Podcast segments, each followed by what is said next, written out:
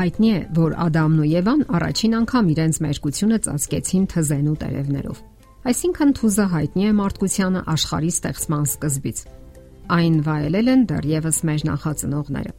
Թուզը մտնում էր 7 օշնված սննդամթերքների մեջ, որ Աստված խոստացել էր իր ժողովրդին։ Ցորեն, գարի, ձիթապտուղ, խաղող, թուզ, նուռ, արմավ եւ խանձոր։ Թզի ծառը ունի մի յուրահատկություն պտուղը նրա վրա հայտնվում է առանց ծաղկելու որևէ նշանի եւ նույնիսկ մինչև տերևների դուրս գալը։ Իսկ երբ ծաղկում է, դա նշանակում է, որ ամառը արդեն սկսվել է։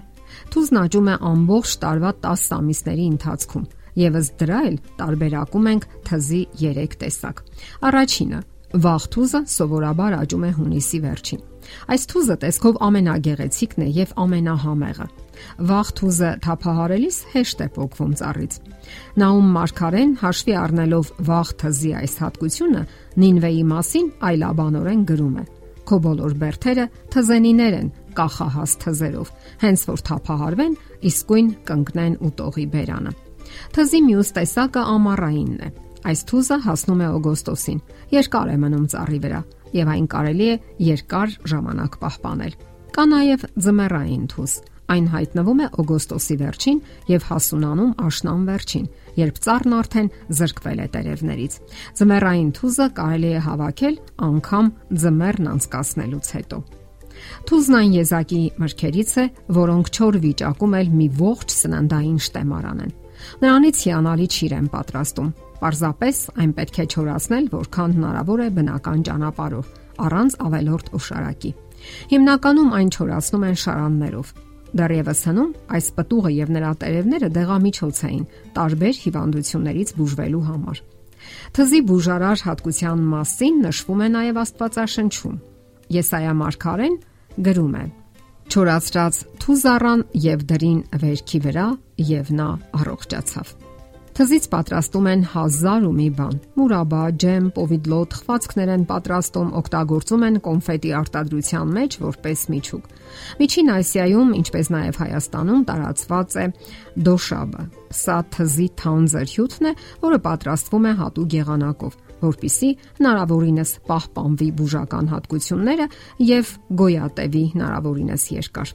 Դոշաբը օգտագործում են ամենատարբեր նպատակներով Թզի պտուղներն ու տերևները կիրառում են մարսողությունը բարելավելու համար։ Թզի թուրմը օգտակար է որպես ջերմիչեցնող քրտնաբեր խորխաբեր միջոց։ Բուժիչ հատկությունը մեծանում է, եթե այն օգտագործում են տաք կաթի հետ։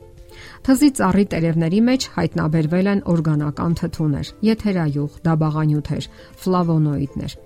Թզի ճիրը պարունակում է շաքարներ, օրգանական թթուներ եւ վիտամիններ։ Թզենու տարբեր մասերում պարունակվում են կալիումի, ֆոսֆորի, կալցիումի, մագնիումի, երկաթի աղեր եւ շատ ферментներ։ Թզենու տերևներում հայտնաբերվել է կենսաբանորեն ակտիվ նյութ՝ սերոտոնին։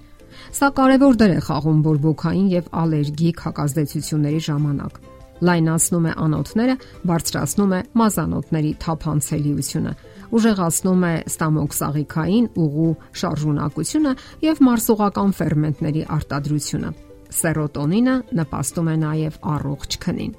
Ներկայումս վրացի դեղաբանները թզից պատրաստում են թանձր խառնուրդ, որը հանձնարարում են սրտային հիվանդության դեպքում։ Թզի հյութը եւ թուրմը իսկական դեղ են ատամնացավի, վերին շնչուղիների հիվանդության, անգինայի, հազի եւ խրպոտության ժամանակ։ Թզի պտղի մեջ գտնվող կալիումի աղերը օգտակար են դարձնում այն սիրտանոթային համակարգի հիվանդության դեպքում իսկ ֆիցին ферմենտը դրական է ազդում անոթների թրոմբների վրա։ Այս հիրավի աստվածային միրգը իմաստունների կողմից ընդունվում է որպես կատարելությանը մոտ միրգ։ Պատճառն այն է, որ նրա մեջ ոչ մի բան ավելորդ չէ։ Ամեն ինչ ուտելի է։ Նա ճունի պինդ կորիզ եւ կարծր կեղև։ Ուտելի չէ միայն պտղի պոչիկը, որի միակ դերը, ինչև պտուղը պոկելը, այն ծառի վրա պահելն է։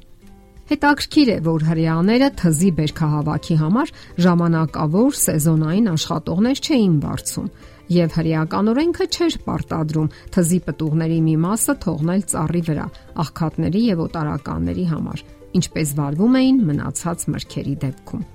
Տերը թզենու հետ առանձնահատուկ համարյա անznական հարաբերություններ ուներ։ Ահա թե ինչու թույլ չէին տալիս կողմնակի միջամտություն եւ Տերն ինքը պետք է մոտենար ծառին, դիպչեր նրան եւ թզենին կարծես արձագանքելով նրա հոգատարությանը սեփական կամքով ապարգևեր նրան իր պտուղները։